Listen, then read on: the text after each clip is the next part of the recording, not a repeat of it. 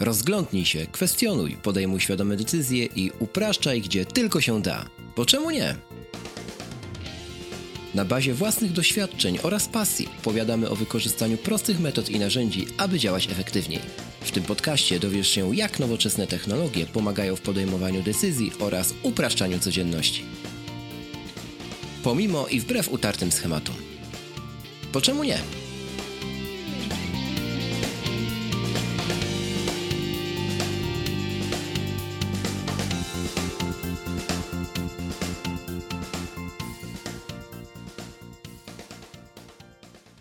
Cześć, witamy w 36. odcinku podcastu Bo czemu nie? Dzisiaj kolejny odcinek z gościem. Jest z nami redaktor naczelny iMagazine, Dominik Łada. Cześć Dominik. Witam panów tutaj serdecznie oraz wszystkich nas słuchających. I bardzo dziękuję za zaproszenie i w ogóle chciałem powiedzieć, że jestem waszym fanem. Wow, tyle wygrać.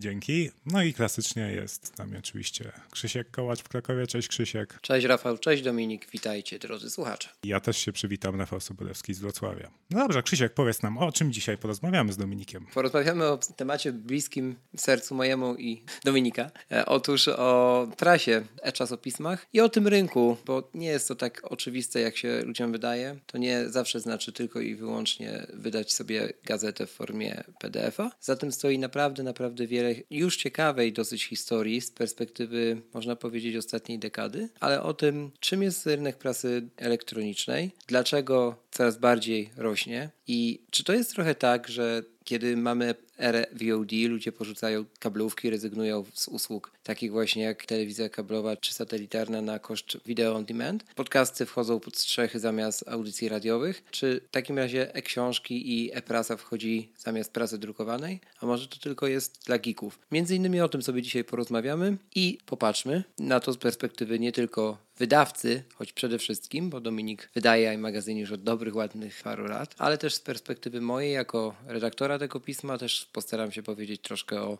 procesie redakcyjnym. No i przede wszystkim, Rafał, mam nadzieję, z perspektywy czytelnika również, tak żebyśmy mieli te trzy spojrzenia na ten temat. Żeby już nie przedłużać, zapraszamy do odcinka.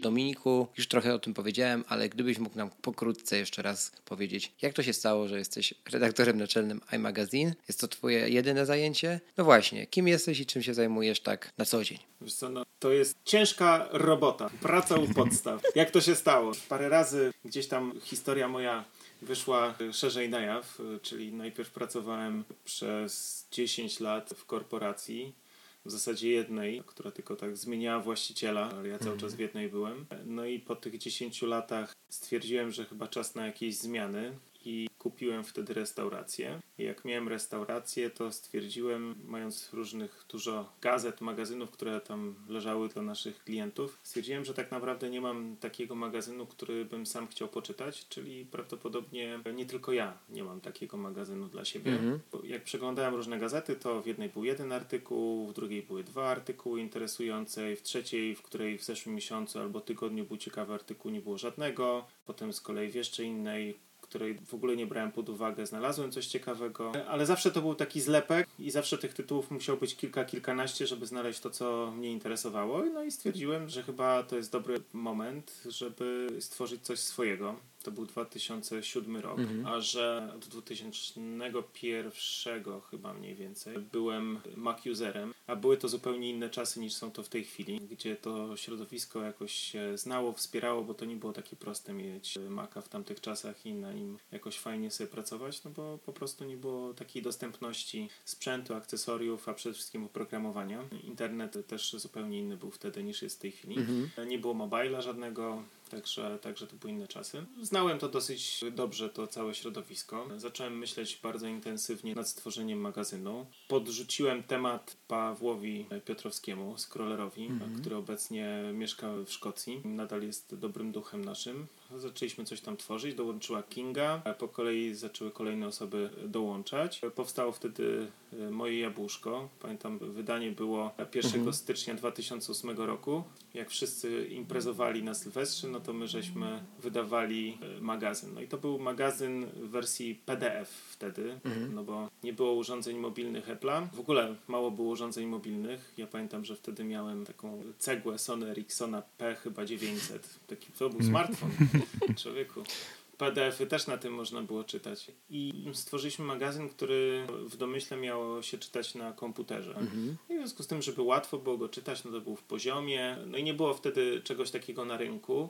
Zastanawiałem się właśnie, jak wydać magazyn, żeby on był po pierwsze łatwo dostępny, po drugie, żeby właśnie trafić do ludzi, którzy się interesują taką tematyką jak ja, mhm. a po trzecie, wiadomo, że to też były koszty, prawda? No bo papier jest dosyć drogim medium i inwestycja w drukowanie magazynu jest bardzo dużą inwestycją. W związku z tym prosta piłka, od słowa do słowa powstało moje jabłuszko. Ciężko tutaj dyskutować nad nazwą, taka jest jaka była. Ja od zawsze uważałem, że dla mnie ludzie są w teamie najważniejsi, w związku z tym to też jest coś takiego jak demokracja, która jak pokazuje sytuacja światowa nie zawsze jest najlepszym systemem. No i demokratycznie została wybrana nazwa Moje Jabłuszko i niestety tak tak było na początku. Dołączył wtedy, pamiętam, chyba po, po dwóch numerach czy po trzech dołączył do nas Norbert tak po kolei tam się coraz y, bardziej rozszerzała ta grupa. Zresztą duża część redakcji nadal współpracuje z nami. Pejot jest od samego początku na przykład. Czyli Paweł Jońca. Mhm. Tak, tak. Kinga Ochendowska jest od samego początku. Norbert tam chyba w drugim czy trzecim y, numerze dołączył. Paweł Piotrowski wprawdzie jest od samego początku. Y, jest mało aktywny, ale tam od czasu do czasu gdzieś się pojawia. Ostatnio się pojawił parę razy na stronie internetowej. Także gdzieś tam to się rozwijało i w 2010 jednak stwierdziłem, że trzeba pójść krok dalej. W międzyczasie pojawił się iPhone, pojawił się iPad. Stwierdziliśmy, że trzeba zmienić nazwę na taką bardziej profesjonalną, mniej mhm. przaśną. I tak naprawdę z miesiąca na miesiąc bez przerwy w wydawaniu nastąpił rebranding na iMagazine. I od 2010 roku, od 8 lat wychodzimy pod marką iMagazine. I to tak pokrótce. Okej, okay, może tu się zatrzymajmy właśnie, bo to jest chyba rok, kiedy ja odkryłem iMagazine i ja nie pamiętam nazwy moje jabłuszko jako czytelnik. No, no widzisz. A jeśli chodzi o mnie, to ja pamiętam, że sobie drukowałem moje jabłuszko na drukarce. Drukowałem sobie Kingi felietony i czytałem sobie na balkonie jeszcze w domu rodzinnym i to był wielki rytuał, ponieważ moim jedynym nadgryzionym sprzętem był wówczas iPod Shuffle. Dziękuję za uwagę. Zawsze mogłeś spróbować na nim coś przeczytać. CE.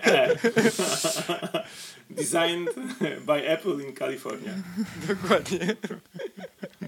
I co, i tak codziennie na przykład zabierałeś się na zajęcia, na studia ze sobą moje jabłuszko, tak?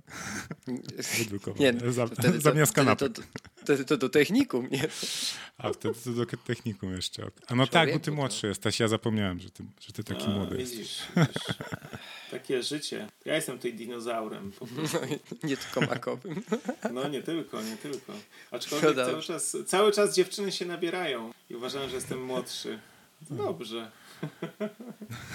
Masz młody głos. No tak, to lepiej w tę stronę. Dobra, bo trochę odpływamy. Ja bym chciał jeszcze wrócić do tego początku, kiedy ten pomysł zrodził się w twojej głowie, jak czytałeś różne ciekawe artykuły, ale w różnych czasopismach. Tak czułeś tylko intuicyjnie, że twój zestaw zainteresowań, czyli to, o czym chciałbyś czytać, że to będzie powielone też u innych osób, czy znałeś też takie osoby, które miały jakby zestaw zainteresowań bardzo pokrywający się z twoim? Wiesz co, bo od samego początku była sytuacja z Mac-userami jako takimi. Była sytuacja taka, że ten sprzęt, z którego oni korzystali, to była ich taka furtka, to był taki, taki interfejs do cyfrowego życia. Mhm. Ich tak naprawdę mhm. nie interesowały te megaherce, gigaherce, ilości RAMu i tak dalej. To, czym się podniecali zawsze pecetowcy i tak sobie, że tak powiem, poprawiali samopoczucie, kto ma więcej RAMu. Natomiast tutaj zawsze było tak, że mając PowerBooka, jeszcze wtedy jakiegoś iBooka, iMac'a, to twój komputer miał być ładny, bo ty miałeś z nim na co dzień obcować i on miał służyć tobie w jak najprostszy sposób do konsumpcji różnych treści, tak? Czy w zależności, mhm. czy to był internet, czy to była muzyka, czy to były filmy, czy ty tworzyłeś te filmy, czy ty fotografię obrabiałeś, czy tworzyłeś muzykę. Generalnie to miało być ładne, wygodne w, w użyciu, ale tak naprawdę miało ci właśnie udostępniać, umożliwiać pracę na tym, tym sprzęcie, żeby właśnie skonsumować albo stworzyć te treści. W związku z tym, no to generalnie widać z automatu, że to byli ciekawi, interesujący ludzie, którzy mieli szerokie zainteresowania. Siedząc, mhm. rozmawiając z tymi ludźmi, ja widziałem, co ich interesuje, tak? W związku z tym stwierdziłem, że to jest prosta sprawa, że musimy coś takiego stworzyć, co ci ludzie będą mogli w jednym miejscu znaleźć, tak? Że okej, okay, core był Apple'owy, ale umówmy się, niewiele się zmieniło od tamtych czasów do teraz. Komputery wychodzą raz, dwa razy do roku, wychodzi raz iPhone i wychodzi raz iPad i to w zasadzie tyle, tak? Niewiele jest jakichś tam dodatków w ciągu roku, a jednak coś się wokół tego dzieje, tak? W związku z tym był ten core Apple'owy, czyli ten taki hardcore, czyli tutaj o sprzęcie coś tam mówiliśmy, ale też mhm. zawsze mówiliśmy bardziej pod kątem użytkowym, a nie, nie właśnie takiego, przepraszam za określenie, branzlowania się nad, nad cyferkami.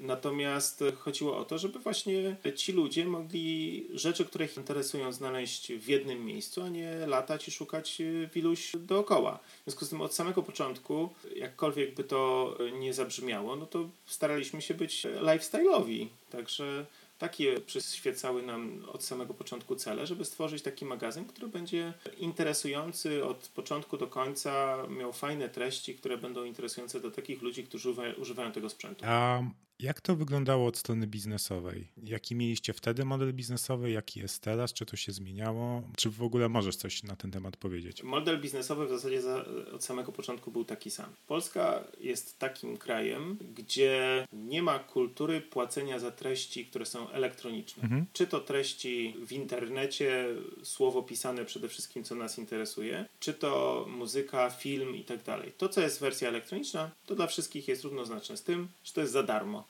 Nieważne, że się ktoś przy tym narobi, nieważne, że kosztuje to wysiłek i godziny pracy wielu, wielu osób, to to jest za darmo. W związku z tym wszelkie jakieś kwestie związane z paywallami, płatnością za jakieś treści itd., tak itd., tak w moim przekonaniu no jeszcze dużo wody w Wiśle bądź Odrze upłynie, zanim to się zmieni, tak? Niestety mhm. taką mamy mentalność i to jest oczywiście dla mnie bardzo przykre, tak?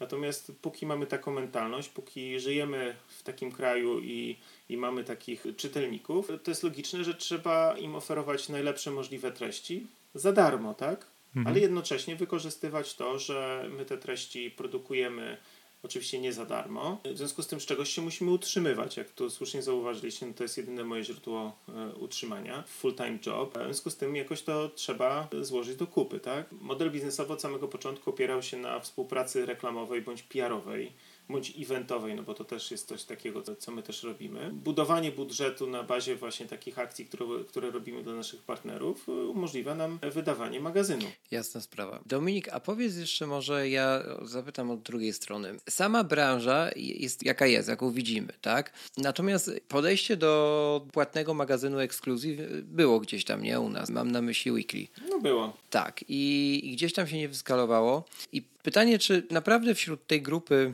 wiesz, Apple userów, gdzie ten sprzęt mało nie kosztuje i tak dalej, Twoim zdaniem nie ma mimo wszystko miejsca na to, żeby w jakiś sposób wprowadzić model monetyzacji takiej, wiesz, subskrypcyjnej, czy abonamentowej, czy czegoś podobnego, nie? Bo ten obraz się tak, jak się zobaczy z boku, no nie, na to, nie odsuwając wiedzę o branży i tak dalej, trochę kłóci, nie? Z jednej strony mamy gości, którzy wydają kupę pieniędzy, mówi, mówię to też do nas, nie? Na, na sprzęt, a mówi się, że wiesz, że, że ci sami ludzie gdzieś tam sprowadzając do wspólnego mianownika nie chcą płacić za gazetę, nie? No bo tak jest. Ja nie jestem w stanie ci inaczej odpowiedzieć. Tak jest. Mhm. Po prostu nie chcą ci ludzie płacić za treści elektroniczne. Wystarczy popatrzeć właśnie na to, jak wyglądają te paywalle. okej, dobrze sobie radzi Gazeta Wyborcza i to faktycznie e, dosyć dużo im daje. Nie wiem na ile to jest kwestia tego, że e, jest teraz taka sytuacja, a nie inna i ludzie po prostu szukają jakiejś tam kwestii, żeby płacić po prostu z- za treści, które chcą czytać, ale to jest też efekt skali powiedzmy. Natomiast w wielu przypadkach to się po prostu nie powiodło. Wiele magazynów decydowało się na wydawanie później za darmo, albo dodawanie do, e, wersji elektronicznej do wydań e, papierowych i tak dalej, i tak dalej. Natomiast wiesz, to się wydaje, że to nie jest dużo i właśnie przez to, że to się wydaje, że to nie jest dużo, to ludzie po prostu nie chcą za to płacić, bo uważają, że jak to jest niedużo, to po co ja mam w ogóle za to Rozumiem. płacić. Temat jest taki bardzo, bardzo szeroki, bo z jednej strony to są czytelnicy, którzy nie chcą płacić za, za takie treści. Z drugiej strony to jest rynek, który no, mamy 2018 rok, my wydajemy od 10 lat. Ja od 10 lat cały czas edukuję firmy, domy mediowe, y, agencje PR-owe i tak dalej, i tak. Wszystkich edukuję, że magazyn może być elektroniczny, bo u nich cały czas jest sytuacja prosta.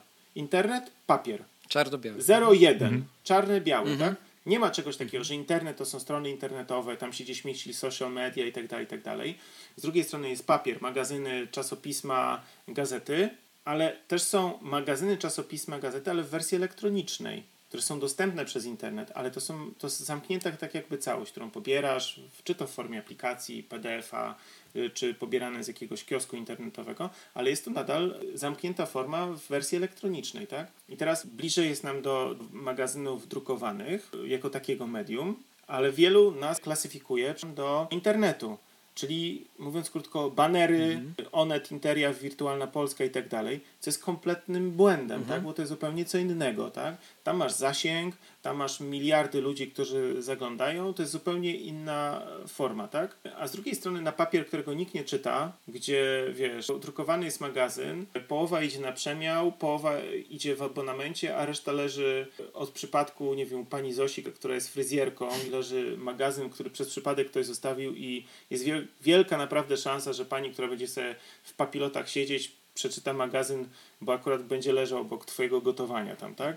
Bo to jest na tej zasadzie, tak? To, to jest przypadek, że tam to trafia. A z drugiej strony masz magazyny elektroniczne, które y, są pobierane punktowo przez ludzi zainteresowanych. I to nie jest, wiesz, przypadek, że ktoś go sobie pobierze. Bo to pobierają ludzie, którzy są zainteresowani. I to jest, wiesz, cała ta edukacja tego trudnego środowiska, bo budżety na papier idą gigantyczne i one są de facto przepalane. Budżety na internet związane od klików i od zasięgu też idą dosyć duże, ale to jest jak strzał z pepeszy, że wiesz, kurde, może będzie dobrze, jak jedna z kilku, kilkunastu tysięcy trafi wiadomość, tak, do osoby zainteresowanej, tak? A tutaj masz e, punktowo mocno stargetowaną grupę i kurczę, ciężko jest przekonać, że właśnie lepiej w takie miejsca inwestować niż w papier albo właśnie w, po prostu w, w internet jako taki klasyczny. No tak, jakby ta jakość czytelników jest wyższa, tak? Pewnie ilość konsumowanej treści w porównaniu do takiego innego magazynu na czytelnika jest dużo wyższa, nie? Ależ oczywiście. No wiesz, no my, my robimy badania naszych e, czytelników, zresztą chyba jako jedyni w polskim internecie. No to mamy dosyć precyzyjnie określone, kto nas czyta. I to jest, to jest fantastyczna grupa, bo to nie jest żadna gimbaza, to nie są, to nie są dzieciaki, które, nie wiem, tam, wiesz, jakieś głupoty piszą i się wygłupiają, tak? Tylko to są ludzie w chyba 76%, 24-55 lat. Wykształceni, dobrze zarabiający, z, z większych miast, ciekawi technologii, czyli generalnie to są tacy ludzie, którzy są skłonni właśnie wydać na jakieś gadżety więcej pieniędzy, tak? No i stąd te firmy, z którymi współpracujemy, które zrozumiały to, no bo one też gdzieś tam widzą to, myślę, że dobrze w swoich Excelach, że no faktycznie pokrywa im się gdzieś tam ten nasz czytelnik ze słupkami w Excelu, tak? Tak skracając, mamy super grupę, ciężko jest przekonać takie duże organizacje marketingowo-medialno-PR-owe, ale jak już się przekona, no to współpraca jest bardzo fajna, bardzo sensowna i pożyteczna dla każdej ze stron, klienta, czytelnika, nas, a jednocześnie jesteśmy w stanie oferować właśnie treści naprawdę na wysokim poziomie, wyjątkowe, takich, których nigdzie się indziej nie znajdzie, które po prostu są unikalne, tak? Powiedziałeś, że jako jedyni też, co zresztą jest prawdą, mamy tę kwestię związaną z wydawaniem się od pięciu lat też tylko i wyłącznie elektronicznie, no i z tym modelem biznesowym opartym na grupie jakby e, czytelniczej, ale też jako jedyni... pod iMagazine, a od dziesięciu ponad jako w ogóle. Tak. Jeśli chodzi o jeszcze jedną wyjątkową kwestię, która u nas jest, a gdzie indziej nie ma, to jest dział korekty. Też jakbyś mógł powiedzieć szerzej, jak to się dzieje, że e-gazeta ma dział korekty, a duże gazety je zamykają. Nie? Wiesz co, no bo zależy nam na tym, żebyśmy mieli jak najlepszą jakość. Oczywiście zdarzają się nam błędy i zaraz ktoś to na pewno wytknie, ale to się zdarzają błędy tak. wszędzie. Mhm. Oczywiście. Weźmiesz gazetę, weźmiesz internet, cokolwiek, zawsze się znajdą, znajdą błędy. Tylko oczywiście to jest tak, że gdzieś tam przy zalewie jakichś tysięcy mniej lub bardziej przypadkowych osób to umyka, no bo to też ludzie jakoś tam reprezentują różne przyzwyczajenia, poziom edukacji itd., itd.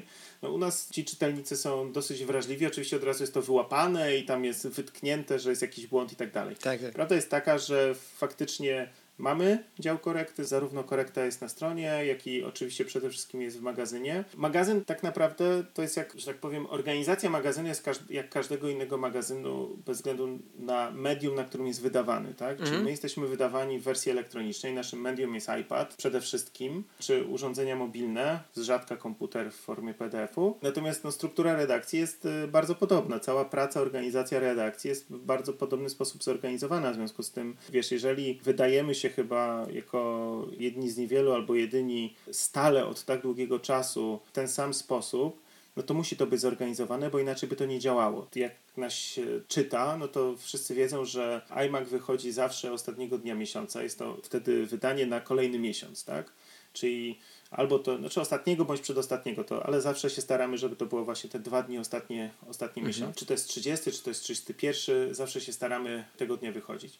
Ostatni tydzień miesiąca, jak miesiąc podzielisz na 4 tygodnie, to ostatni tydzień miesiąca to jest skład. Przedostatni tydzień miesiąca to jest korekta. Dwa pierwsze tygodnie miesiąca, no to jest czas na nadsyłanie tekstów przez redakcję. Z różnych względów te teksty gdzieś tam mogą też później się pojawiać, bo później się pojawiają jakieś tematy istotne, sprzęty, jakieś e, premiery i tak dalej, i tak które trzeba gdzieś tam dodatkowo opisać, ale no, taka struktura jest. No i żeby to wszystko ogarnąć, no to musi być narzucony jakiś reżim. Ludzie piszą według jakichś tam wytycznych, potem są dwie osoby w korekcie, które sprawdzają, co zostało napisane według tych wytycznych, a potem jest skład, który to wszystko obrabia w formę graficzną, nadaje temu jakiś kształt i pojawia się to w magazynie w formie już e, złożonego artykułu. Tak wygląda organizacja, mówiąc krótko. Na stronie widzę, że macie w sumie 20 redaktorów. Wspomniałeś o dwóch osobach w korekcie. Czy jeszcze jakieś osoby oprócz tego pracują przy każdym wydaniu? Tak, skład się zmienia, bo czasem Mhm. więcej osób pisze, coś, czasem mniej. Trzeba pamiętać też, że są osoby od webu, są osoby, które są dedykowane tylko i piszą tylko na, na stronie na przykład, albo są osoby, które tylko i wyłącznie piszą w magazynie. To tak oprócz redaktorów, to ile osób pracuje na to, żeby co miesiąc wydawać magazyn? Ja myślę, że tak gdzieś około 25 możemy się zamknąć. Mhm. To jest kupa roboty, powiem ci. No. to jest kupa roboty i, i tak naprawdę, mówię, dla mnie najważniejsze zawsze byli ludzie. W związku z tym zawsze mi zależało na tym, żeby ten team był, żeby ten team się czuł dobrze, żeby każdy miał jakiegoś tam drive'a do tego, żeby pisać. I wydaje mi się, że kurczę, to chyba jakoś tam funkcjonuje, no bo od tylu lat jesteśmy. Niewiele nam się ten team pozmieniał. Pojedyncze były jakieś zmiany. Bardziej raczej dochodziły osoby niż, niż odchodziły. W związku z tym to się cały czas roz, rozszerzało. A jednocześnie, tak jak zacząłem, że dla mnie są najważniejsi ludzie, w związku z tym istotne zawsze dla mnie było, żeby ludzie się dobrze czuli. Tak? I z jednej strony oczywiście to jest ta pasja, która nas łączy i to jest ten wspólny cel, że chcemy coś fajnego stworzyć, czego nie ma nigdzie indziej. I to my jesteśmy ci, którzy to, e, to robią. A z drugiej strony wiadomo, że każdy no, musi coś z tego mieć, tak? I, i w zależności od tego, od poziomu zaangażowania, od, od tego, co kto robi w danym miesiącu i tak dalej, i tak dalej, no to w zależności od tego staramy się, żeby każdy był wynagradzany, no bo to jest dla mnie podstawa, tak? No bo gdzieś tam istotne jest, żeby czuć tę, tę potrzebę i, i tę ideę, ale też, żeby coś z tego mieć, tak? I to jest dla mnie jak najbardziej normalne, bo ja sobie tego inaczej nie wyobrażam, tak? No nie wiem, wyrosłem z korporacji i taki jestem już skrzywiony do końca chyba życia będę. A wiem, że to nie jest jakimś standardem w dzisiejszym świecie. No nie jest, nie jest, to jest prawda. Jeszcze kolejne pytanie, które myślę warto zadać, to jest taki typowy dzień pracy. Mamy redakcję blisko Pałacu Kultury zresztą, w bardzo ciekawej, lukratywnej powiedziałbym lokalizacji, no ale gdzieś tam codziennie raczej jest bardziej no office niż office. Więc pytanie, jak sobie radzisz z organizacją tego wszystkiego, bo wiadomo, że w tym podcaście dużo się mówi o getting things done. Wiem, że twoje przygody były różne z zarządzaniem zadaniami, to może coś więcej powiesz. Ja zacznę przede wszystkim od tego, że ja nie wierzę w system no office i ja mam office. To jest rzecz, którą próbowałem wcielić na samym początku i to kompletnie, ale kompletnie w moim przynajmniej przypadku się nie sprawdziło, w związku z tym musiałem mieć office, tak? Nie ma czegoś takiego, jeżeli masz rodzinę, e, zobowiązania, dużo rzeczy się dzieje, to ciężko, naprawdę ciężko prowadzić biznes z domu. To jest okay. dla mnie to jest niewykonalne. To jest po prostu niewykonalne, mm. bo, bo to się, to można różne teorie do tego przyczepiać, ale zawsze jest coś takiego, że ktoś ci powie, ok, skoro jesteś w domu, to nie wiem, zrób zakupy, posprzątaj, pozmywaj, upierz, mm. zaprowadź dziecko do przedszkola czy do szkoły, potem dziecko wraca i co? No dziecko ci nie wraca o godzinie 18 czy 17, tylko ci wraca o godzinie pierwszej na przykład, tak?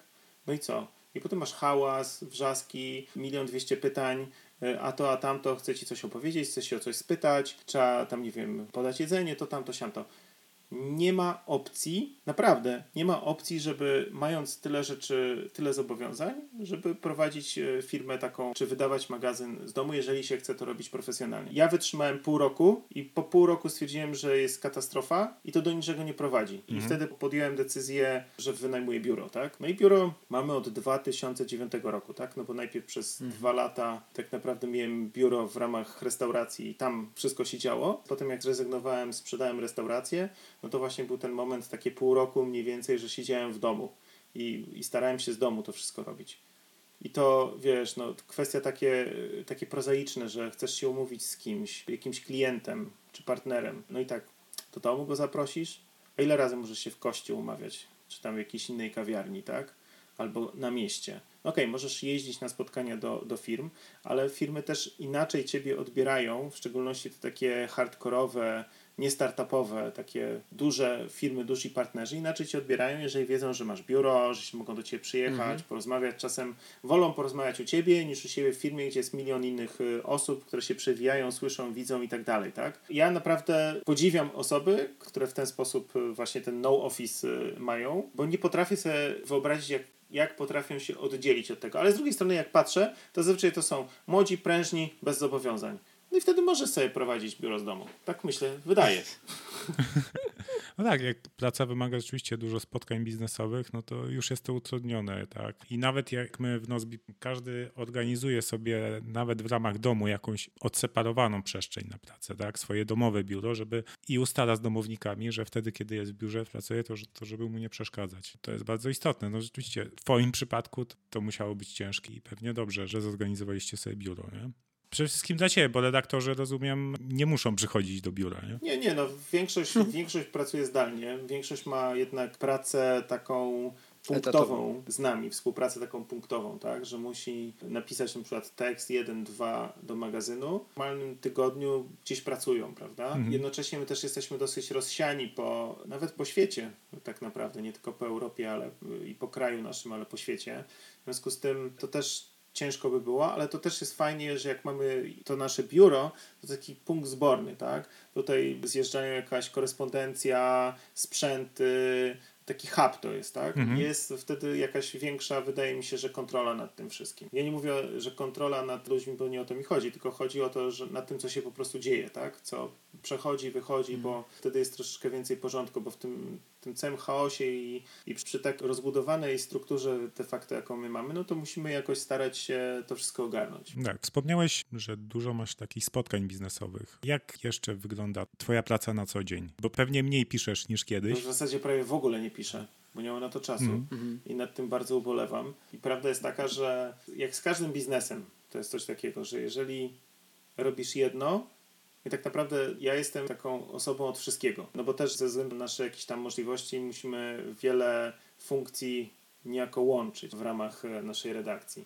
W związku z tym z jednej strony spinam całą redakcję, czyli taka praca sekretarza redakcji, z drugiej strony jestem redaktorem naczelnym, czy odpowiadam tam za, za treści, zbieram, pilnuję i tak dalej. Z trzeciej strony no, muszę organizować kwestie logistyki, właśnie tego sprzętu, jakichś innych rzeczy. Muszę, co bardzo istotne, muszę współpracować z partnerami, szukać, szukać klientów, no bo z czegoś musimy żyć, tak? Jak się popatrzy, ile jest tych zadań, no to jak robisz jedno, to siłą rzeczy inne na tym tracą, bo nie możesz ich robić, tak? Mhm. Musisz przestać. I zawsze na czymś się traci, tak? Czyli jak, nie wiem, jak mam spotkania, no to już wiadomo, że już nic nie napiszę, nie wiem, nie ogarnę iluś tam rzeczy. Jeżeli zaczynam pisać, no to już nie mam czasu podpowiadać na przykład na oferty.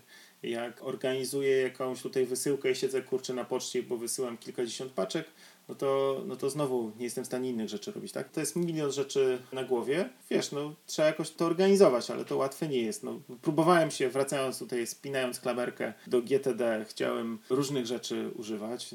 Notowałem w notesiku proste, bardziej skomplikowane jakieś tudusy i zawsze jak mi się już tak przepełniało, że już miałem ileś tych ekranów, to odinstalowałem aplikację, instalowałem nową.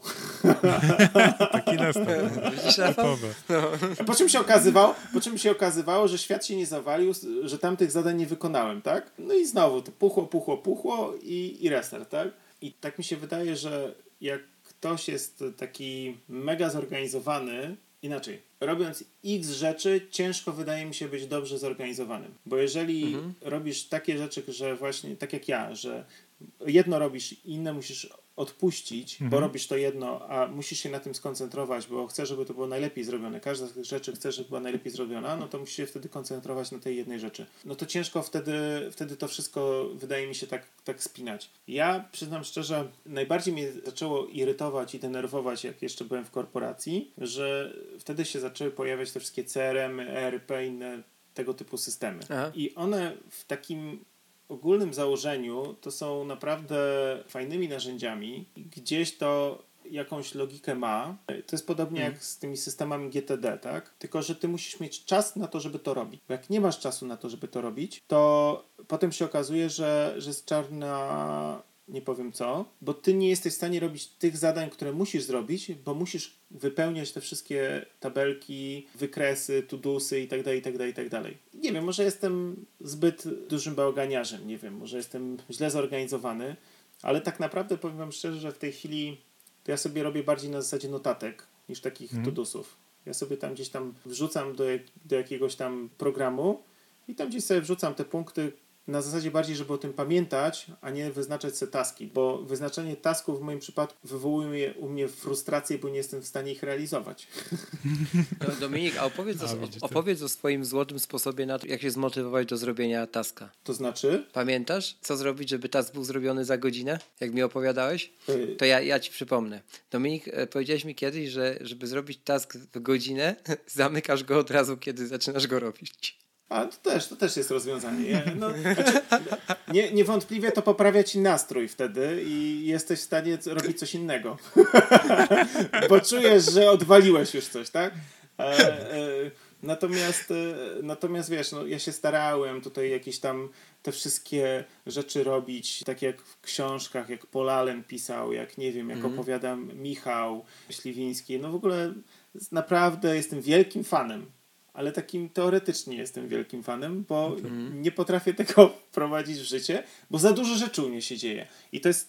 Ja nie mam życia przewidywalnego. Jakbym miał życie przewidywalne, mhm. to byłbym w stanie te wszystkie prowadzić e, zasady i pewnie by to fajnie funkcjonowało. Mhm. Natomiast ja mam zbyt dużo zmiennych, począwszy od, od pracy, kończąc na życiu takim prywatnym. Jak ma się dwójkę dzieci, które jeszcze różnica między nimi w wieku jest 11 lat, jeden ma 15, drugi ma 4, to jest naprawdę to jest nie do ogarnięcia, bo to jest milion rzeczy w ułamku sekundy się dzieje, tak? Mhm. W ogóle wiesz, to jest, to jest y, kosmos. Także jestem fanem, ale kurczę, oczywiście każdy musi znaleźć sobie jakiś sposób. Są wiadomo, że są jakieś absolutne priorytety, które musisz zrobić i żeby waliło się, paliło, to wiadomo, że to musisz zrobić. I to faktycznie, to ja sobie wtedy na zasadzie jakiegoś tam kurde milestone'a e, zaznaczam i wtedy się cieszę, jak sobie odhaczę. Mhm. Gdzieś tam jest wow, jest, udało się. A reszta, tak jak mówię, to robię notatki na zasadzie takiej, żeby nie zapomnieć, że coś tam jeszcze miałem zrobić, ale nie wyznaczam sobie tego do zrobienia, bo ciężko jest mi to czasem zrobić. No mam, ja, ja już się obserwuję na tej zasadzie, że ja, że mi leżą nawet nie dniami, ale tygodniami jakieś rzeczy, które muszę zrobić, a one mi po prostu uciekają, bo mam za mało czasu. Bo wiesz, jak się przyjeżdżam do biura, powiedzmy godzina dziewiąta, coś takiego, muszę wyjść koło godziny 17, bo muszę opiekunkę zmienić w domu, to między 9 a 17 jest niby 8 godzin, ale jest dwa spotkania i umówmy się, y, dwa spotkania i ci prawie cały dzień znika. Musisz dojechać na to spotkanie, odbyć to spotkanie i wrócić z tego spotkania. No i też mentalnie się skupiasz na tych spotkaniach, nie? Dokładnie. I nie masz czasu. Jesteś w stanie się przygotować na spotkanie, ale nic poza tym nie jesteś w stanie zrobić. Po czym wracasz i raptem się orientujesz, kurczę, jest godzina ta 17, 18, jesteś już w domu. No tak, z domu nie będziesz pracował. Musisz, nie wiem, poświęcić dzieciakom, rodzinie trochę czasu. Oni idą spać i jeszcze niedawno, niedawno, jeszcze ze, ze 2-3 lata temu ja czekałem, aż oni wszyscy sobie pójdą spać i będę miał święty spokój. Wtedy sobie siadałem, jeszcze pracowałem. Come on, ja teraz już sam padam na gębę. No po tak. prostu nie jestem w stanie, już nie mam siły, tak? Nie wiem, pójdę od czasu do czasu pobiegać, bo też nie jestem jakimś takim frequent biegaczem. Mam takie zrywy, że pobiegam na przykład przez tydzień, a potem 2-3 tygodnie nie biegam, tak? I też nad tym ubolewam. Ale to też jest związane z tym, że mam bardzo zapracowaną żonę, tak? Jej głównie nie ma w domu, bardzo dużo podróżuje. W związku z tym, jak jej nie ma w domu, to też mi jest ciężko, wiesz, zostawiać same dzieci w domu, tak? Też w ciągu dnia nie mam kiedy pójść pobiegać na przykład, no bo w ciągu dnia muszę porobić rzeczy, które muszą być e, związane z biurem. Także come on, aaa! dużo się dzieje. Najważniejsze, że się udało, że mamy nową aplikację. To jest dla mnie Tak. to w ogóle po... Właśnie, i to ten taki piękny most, który zrobiłeś. E, to powiedz Dominik coś więcej. Mamy nową aplikację, bo to jest rzeczywiście fakt, która działa w końcu tak, że jakby da się czytać, da się zrobić coś takiego. Jadę autobusem, dobra, poczytam iMaga. I zanim dojadę do pętli, to go czytam, nie? Jakby opowiedz coś więcej. To jest jakaś magia, tak? W sensie mam bardzo dużo urządzeń y, mobilnych Apple'a, tak? Mam telefon, w domu mam iPada trzeciego, Era, Era drugiego, iPada Pro pierwszej generacji i iPada Pro tego ostatniego 10,5 cala. Czyli mam e, naprawdę, jeszcze mam chyba ze trzy iPhony takie, w, czy cztery w, w ciągłym użytku, tak? Mój syn, ja i moja żona dwa, co w ogóle jest kosmosem, że ona ma więcej niż ja, no ale nieważne.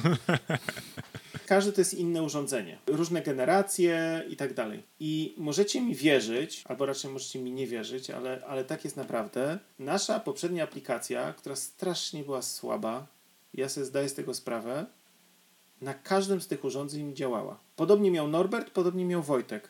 I nam było strasznie ciężko stwierdzić, gdzie jest problem, bo na naszych sprzętach ona działała. I teraz ludzie nam y, zgłaszali, że nie wiem, nie działa offline, że wolno się otwiera, że nie chce się coś pobrać i tak dalej. I uwierzcie, to działało. Okej, działało wolniej niż byśmy sobie tego oczekiwali, ale to działało. I teraz ciężko nam było znaleźć ten problem, jaki ludzie nam y, zgłaszali. No i ja byłem świadomy tego, że, że jest ten problem, bo ja patrzyłem w statystyki. Jak ja zobaczyłem, jak nam spadły liczby pobrań magazynów, wtedy taka refleksja, kurczę, skoro rośnie nam znowu ilość pobrań w PDF-ie, czyli w totalnie archaicznym formacie, który mieliśmy od samego początku, a maleje ilość pobrań w aplikacji, to coś tu jest na rzeczy. Że jednak ta aplikacja naprawdę nie działa, tylko cały czas nie, ciężko było stwierdzić, gdzie leży problem.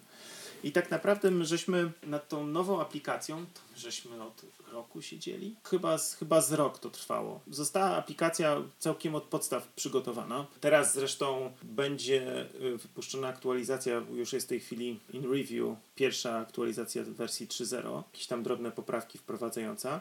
Natomiast udało się to wszystko spiąć i, i wrzucić. Ja zacząłem przez te wszystkie nasze urządzenia patrzeć, to wtedy stwierdziłem, okej, no jest fajnie, bo wtedy działało, ale teraz działa jak rakieta.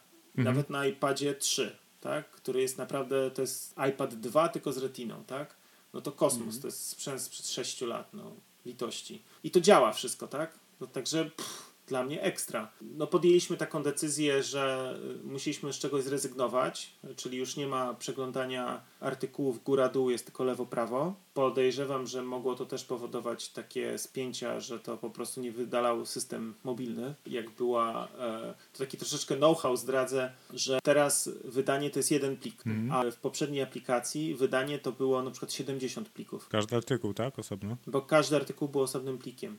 W związku z tym, chociażby z tego powodu można się domyślać, że jednak ten system trochę bardziej był zaorany niż jest teraz, tak? Ale teraz jest, działa to szybko, e, sprawnie, tak jak powinno było już od dawna działać, tak? Cieszę się, że to wreszcie jest, ale to nie, to nie jest tak, że ty, Rafał, dobrze wiesz, zresztą Krzysiek też dobrze wiesz, bo wszyscy pracujecie w software house'ach de facto, tak? To wiecie, że e, zarządzanie aplikacjami to nie jest kurczę wsadził, wyjął i gotowy bułka parysta. to nie jest kurczę Tak, Utrzy- piekarnia. To też jest. To jest, e, to jest non-stop coś się dzieje, non-stop są zmienne, system się zmienia, trzeba poprawiać.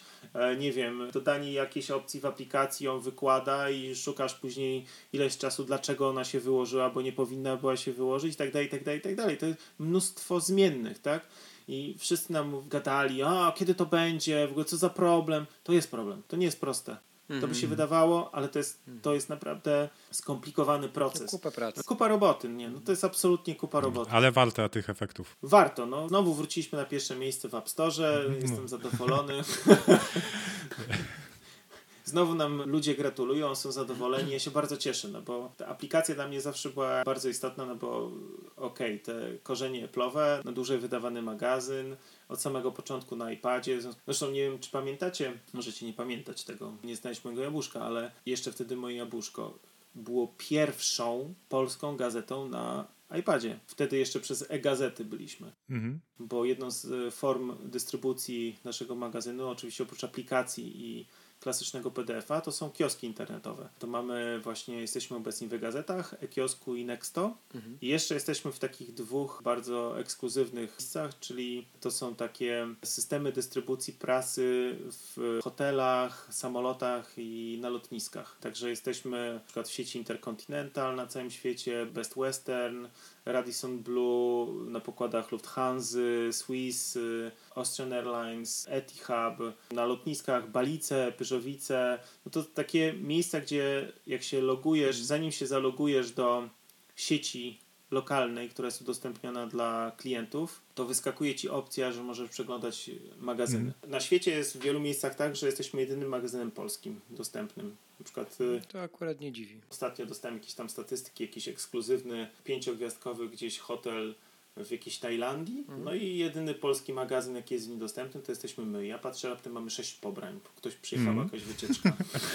I chyba tam trafiła i jedyne co kierunek. było, tak, i jedyne co było po polsku to była i magazyn, tak? Bo obok, Mhm. stał na półce obok Timesa i Szterna, tak? I była i magazyn. To w ogóle to jest niesamowite, jestem za, zachwycony. Oczywiście to są takie bardziej prestiżowe i wizerunkowe Mhm. formy dystrybucji, ale to jest niesamowite, tak? Że akurat w takich miejscach jesteśmy. Ale zawsze od początku dla nas istotna była i najistotniejsza w zasadzie była aplikacja. Także staraliśmy się, żeby ona funkcjonowała. No i pierwszym założeniem wydawania magazynu to było to, żeby był dostępny na iPada. No bo iPad służy do czytania, prawda? Mhm. Od początku żeśmy wydawali się w wersji iPadowej, zresztą e, nasz e, skład jest e, iPadowy format, ale tam ludzie zaczęli strasznie narzekać, że niby chcieli na iPhone'ach. Okej. Dobrze, zrobiliśmy, udostępniliśmy wersję na iPhony, ale iPhone nie służy do czytania takich długich treści. To jest urządzenie w biegu. To jest zupełnie co innego. I teraz ludzie narzekają, że, że to się gorzej czyta. No, gorzej się czyta, no bo to jest złożone pod iPada, tak? Ale chcieliście, proszę bardzo, udostępniliśmy. My mamy ponad 70 tysięcy zainstalowanych naszych aplik- naszej aplikacji. Na Mhm. ponad 70 tysiącach urządzeń. I chyba z 65 to są iPady tysięcy. 65 tysięcy. Tak, a resztę to są, to są iPhony. No, czyli ponad 90%. No, to żeby zadowolić wszystkich, to jest problem, no bo my byśmy musieli robić podwójny skład. Musielibyśmy robić osobny skład do, do iPhone'a, żeby dobrze na nim było czytać. No tak, i jeszcze są różne iPhony, nie? Dokładnie. Jeszcze, żeby dobrze było czytać na iPhone'ie, to nasz magazyn, który w iPadzie ma średnio około 200 stron co miesiąc, zaznaczę, że to jest 200 stron i na te 200 stron mamy, nie wiem, może 5-6 reklam. Ludzie zarzucają, że nie wiadomo ile mamy tych reklam. No nie mamy. Mamy powiedzmy 5-6 reklam. To jest tyle. Wersja złożona na iPhone'a to miałaby z 500 stron. No umówmy się, no bo większa czcionka i lewo, prawo. No kto by przy zdrowych zmysłach 500 stron przeglądał na telefonie? No. Litości. Dokładnie.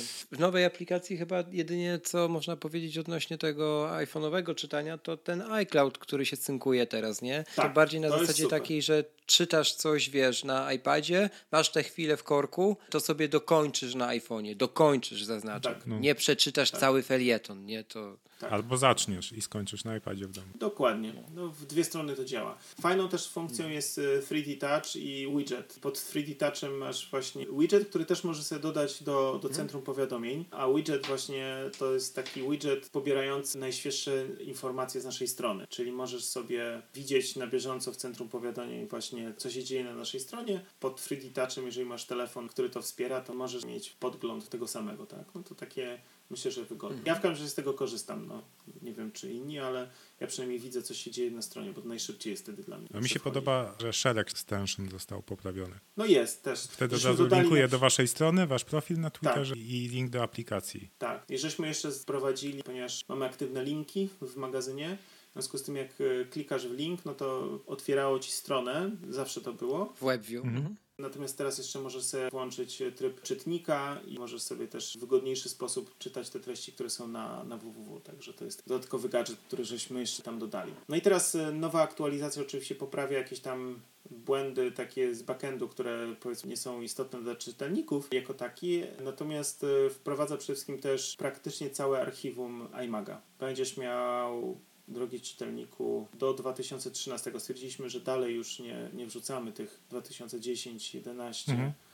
i 12, bo raz, że to są już mało tematy aktualne, a po drugie troszeczkę inny skład był i gorsza jakość, w związku z tym już nie będziemy tych starszych chyba wrzucać, tak mi się wydaje, tam na 2013 kończymy. To i tak i tak będzie 5 lat. A ile tak e, przeciętnie danych, w sensie megabajtów zajmuje numer teraz w nowej aplikacji? W nowej aplikacji myślę, że około 30, 30, bo w tej starej to było dużo więcej. nie? 150. No, tak więc jest, 150, jest progres, fajnie. Tak. Zresztą teraz sama aplikacja jest chyba niecałe 10 mega zajmuje, czy nawet mniej. Także jest bardzo szybka. To naprawdę fajnie działa. Zmieniliśmy też serwer, z którego jest pobierane i to też od razu przyspieszyło.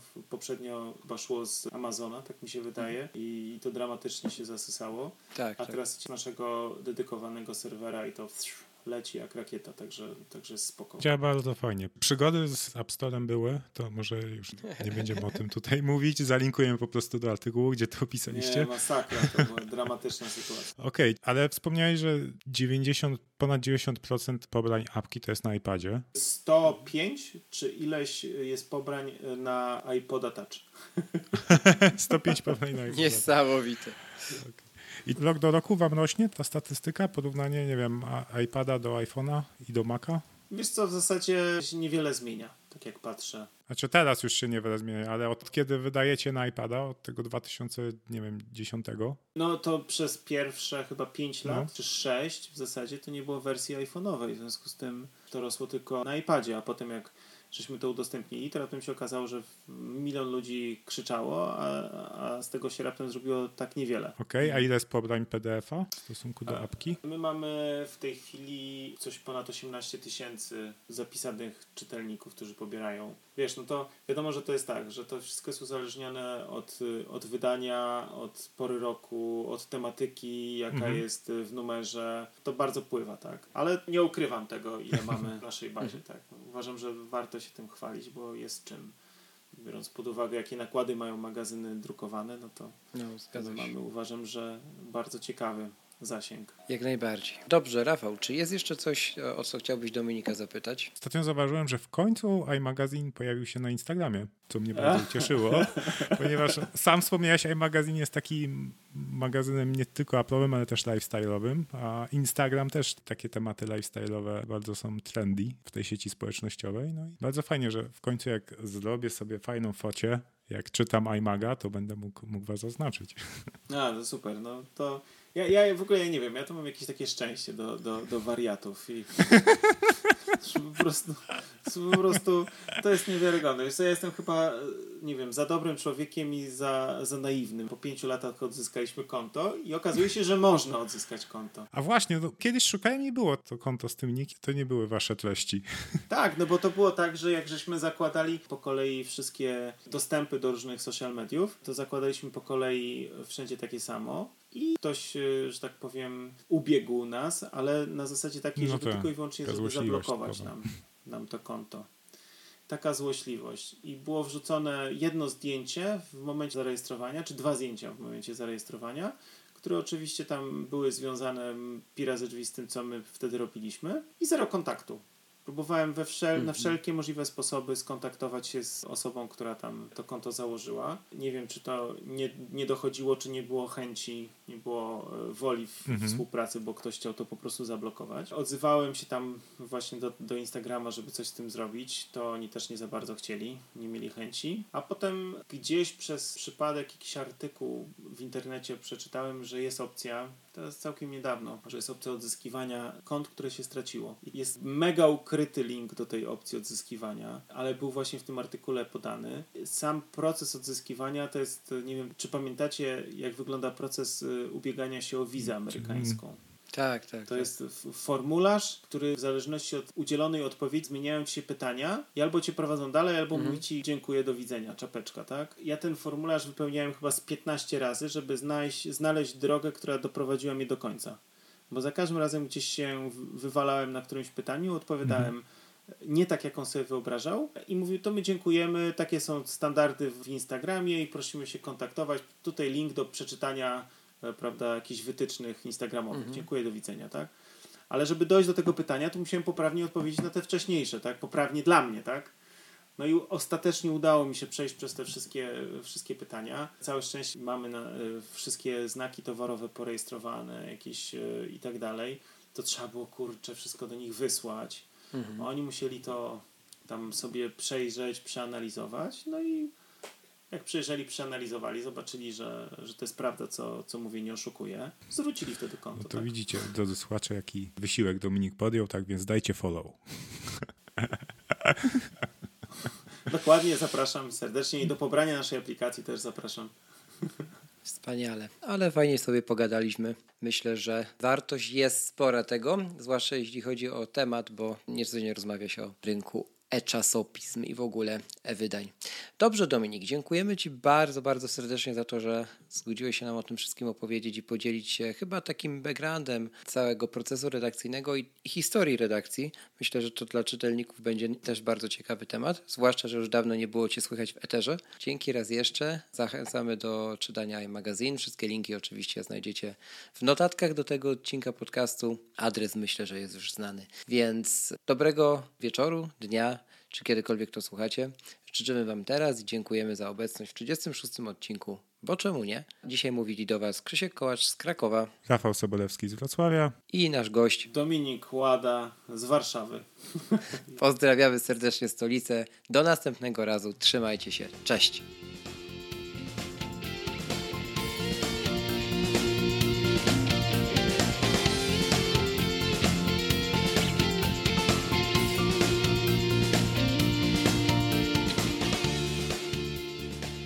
Co? mm, Ze statystyk już, e, już myślę, że nie. E, Już ale zanotowałeś w ostatnio- Excelu?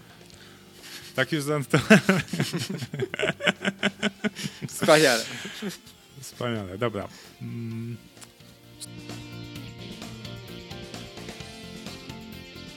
E, To ten montaż proszę wyciąć. Jeśli chodzi o ten.